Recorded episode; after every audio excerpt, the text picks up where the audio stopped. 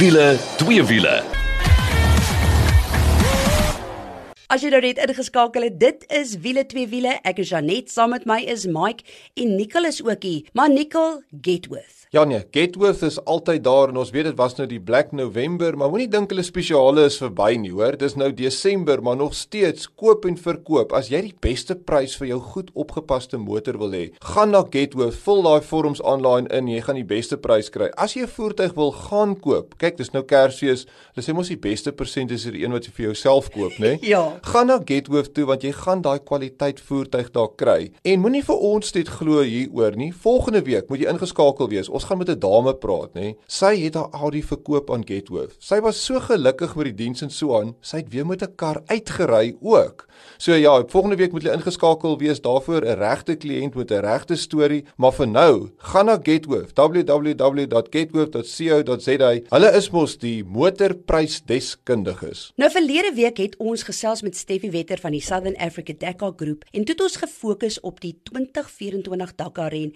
en die motorfietsdeelnemers. Maar soos beloof, fokus ons hierdie week op die deelnemers, dis nou in Suider-Afrika, maar in die kar kategorie. Welcome back Steffi. Janet, hello again and buckle up. The FIA car classes at Dakar 2024 are locked, loaded, and some en route to the Kingdom of Saudi Arabia. The 2024 buzzword is new, Janet.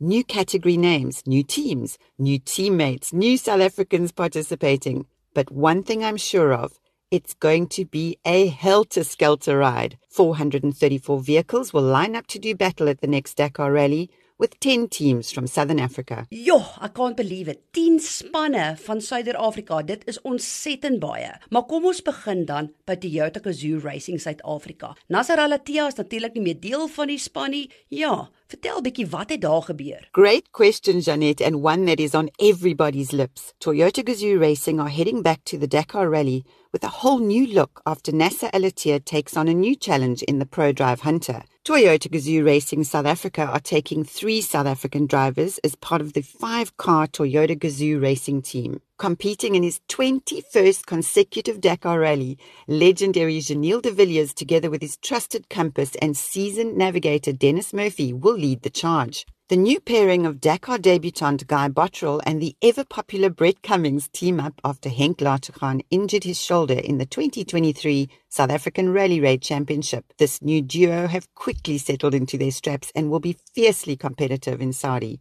Rounding out the TGRSA team is the talented young gun Saud Variawa, who is chasing Dakar glory with his new navigator, Frenchman Francois Cazelet, at his side in his first Dakar. One of the fastest drivers in the World Rally Raid Championship, Brazilian Lucas Marias and Armand Monleon, together with Seth Quintero and Dennis Sens, complete the Toyota Gazoo racing team at the 2024 Dakar Rally. Oh, Steffi, dink net hoe fantasties sal dit wees as 'n Suid-Afrikaner die Dakar kan wen in 'n Suid-Afrikaanse geboude Hilux. Man, ek kan dit al sien. Maar goed, vertel vir ons wie is die ander spanne? Proving that childhood dreams really do come true.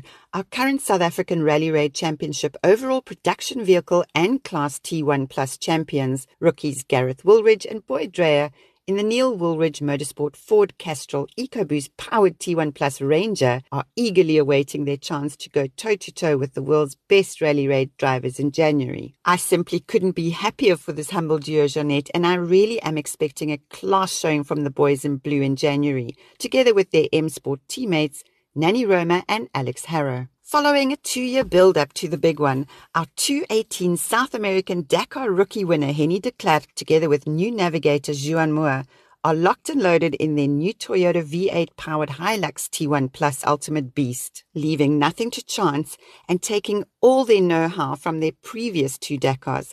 Team Treasury One Motorsport are race ready and the car is en route to Saudi as we speak. With many Century Racing CR6s and CR6Ts at next year's Dakar, we are all eagerly awaiting the magnificent Century Racing CR7 to make its debut in Saudi. Our tiny privateer team is showcasing their new CR7, powered by an Audi RS4 Porsche Cayenne 3-litre twin-turbo engine. And after watching the successful launch at the SARRC this year, I can't wait to see the two men mountains, Brian Baragwanath and Leonard Kremer, flying across the Saudi sands again.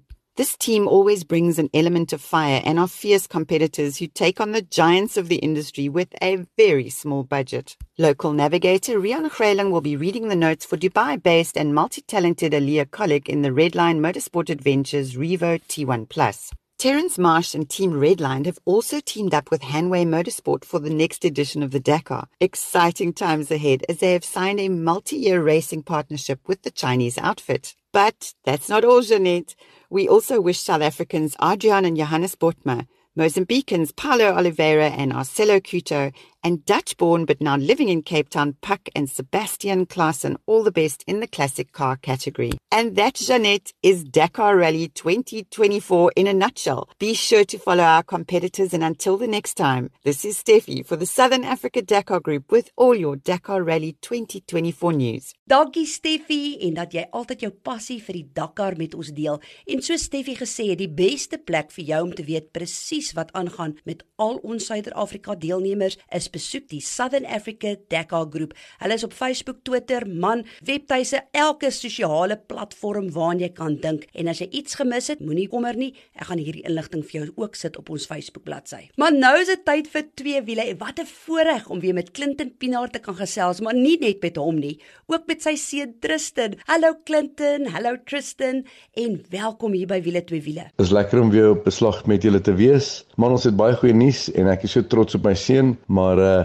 ek moet julle waarsku, die mannetjie is 'n soutie, so boys, nice having you in the studio here with us. Thank you for having me in the studio. It's good to be here. Nou voor ons gesels oor die historiese en oudste ren, dis nou die PE 200 Motorcycle Endurance ren. Vir diegene wat die eerste keer jou stem hoor hier op wiele twee wiele. Wie is Clinton Pinaar? En dan vertel ons so kortliks van jou seun Tristan en sy prestasies hierdie jaar. Maar om net gou te sê wie ek is, my naam is Clinton Pinaar. Ek is my hele lewe lank in die motorfietsbedryf. Ek het vir 13 jaar nou Superbike Magazine tydskrif gehardloop, maar ongelukkig het COVID en tegnologie almal doen nou social media goed. So tydskrif is nie meer daar nie en ek werk nou tans in KTM Kaapstad wat eintlik die nuwe naam Fast is en ons het die Husqvarna Gas Gas en KTM brands en meer onlangs het ons nou die Husqvarna e-bikes. So dit is wie ek is en ek het 3 kinders waarvan my middelseun nou deelneem in motorfietswedrenne.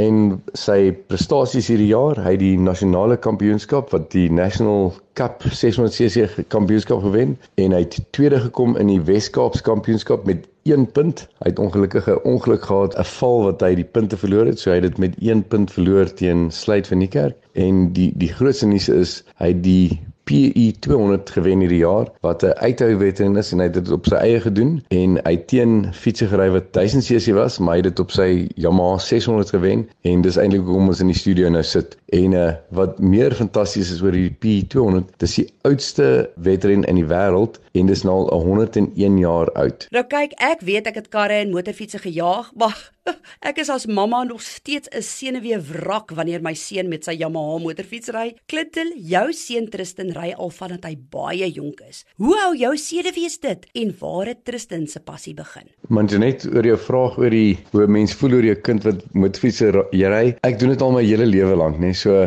ek dink ek en my vrou voel dit is heeltemal sy passie en solank hy altyd die regte klere aantrek as hy elke keer uitgaan op die baan, voel ek dat ons hom dan so veilig maak as ons moontlik kan. En uh boy just a little bit motorbikes has been your passion. Hey, you've actually started riding motorbikes, and people won't believe me. But uh, from where you were two years old, you were like a week before you were two, you could actually ride a Pee 50 on a on a field. So, uh, and you started racing motorbikes when you were four. But have you always just liked motorbikes? Motorbikes have always been my favorite thing to do. I would ride almost every day if I had the chance to, and bikes are just awesome to ride. And just to ride by yourself is also very cool. Okay, and, and I must say, uh, if you're not on a motorbike, you're on a bicycle, and uh, you can wheelie a bicycle as far as you until you get tired. Hey, It's been a while.